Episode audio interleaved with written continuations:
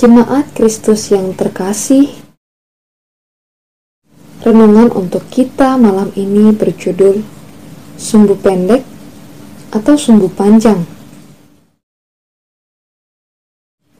Dan bacaan kita diambil dari kitab Kolose pasal 1 ayat 9 hingga ayatnya yang ke-14. Beginilah firman Tuhan. Sebab itu, sejak waktu kami mendengarnya, kami tiada berhenti-henti berdoa untuk kamu. Kami meminta supaya kamu menerima segala hikmat dan pengertian yang benar untuk mengetahui kehendak Tuhan yang sempurna, sehingga hidupmu layak di hadapannya serta berkenan kepadanya dalam segala hal. Dan kamu memberi buah dalam segala pekerjaan yang baik dan bertumbuh dalam pengetahuan yang benar tentang Allah, dan dikuatkan dengan segala kekuatan oleh kuasa kemuliaannya untuk menanggung segala sesuatu dengan tekun dan sabar,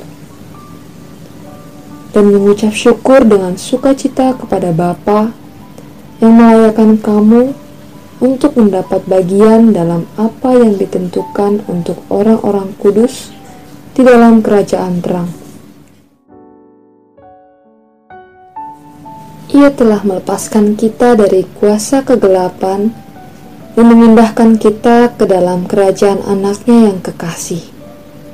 Di dalam dia kita memiliki penebusan kita, yaitu pengampunan dosa.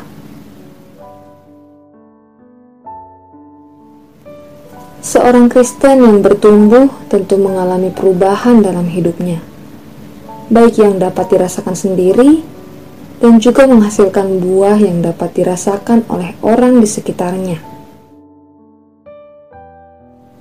Hal paling penting saat seseorang hidup dalam Kristus adalah hidupnya berdasarkan kehendak Allah, dan setiap hal yang dilakukan mencerminkan seseorang yang tenang dan berpikiran panjang, tidak mudah tersulut emosi, tangguh menghadapi persoalan, dan semua yang dilakukannya penuh dengan kasih. Memang tak selalu mudah ketika kita hidup berpegang pada kehendak Allah. Terlebih saat situasi kita tak seperti yang kita pikirkan sebelumnya. Apalagi ada hal-hal yang membuat kita khawatir dan dikelilingi dengan orang-orang yang sekarang disebut sumbu pendek atau bahkan mungkin kita juga menjadi salah satu dari kelompok ini. Kalau mau jujur, orang-orang dengan sumbu pendek sebenarnya merugikan dirinya sendiri, karena ia tidak dapat melihat segala sesuatu dengan lebih komprehensif. Orang-orang dengan sumbu pendek tidak akan mampu melihat bahwa apa yang mereka hadapi sebenarnya memiliki konsekuensi yang lebih panjang, baik yang positif maupun yang negatif, daripada apa yang mereka pikirkan saat itu juga ketika mereka mengambil keputusan. Oleh karena itu, seringnya orang-orang ini lebih cepat untuk kecewa dan juga menolak untuk tekun dan sabar. Akibatnya, mereka sering kali menyerah pada keadaan dan hanya menyalahkan orang lain atas pergumulan yang mereka hadapi. Sedangkan kalau kita memperjuangkan hidup yang diubahkan Allah itu berarti kita memiliki pola pikir dan juga tindakan yang lebih tenang, berpikir panjang, serta dapat terus berupaya untuk melihat segala kemungkinan yang bisa diupayakan. Hidup kita sudah diubah oleh Allah.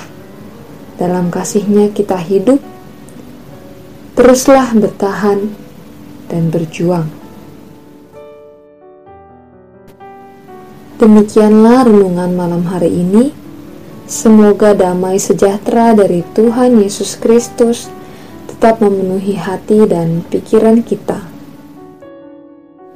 Amin. Jemaat yang terkasih, Mari kita bersatu hati menaikkan pokok-pokok doa yang ada dalam gerakan doa 21 GKI Sarwa Indah. Mari kita berdoa.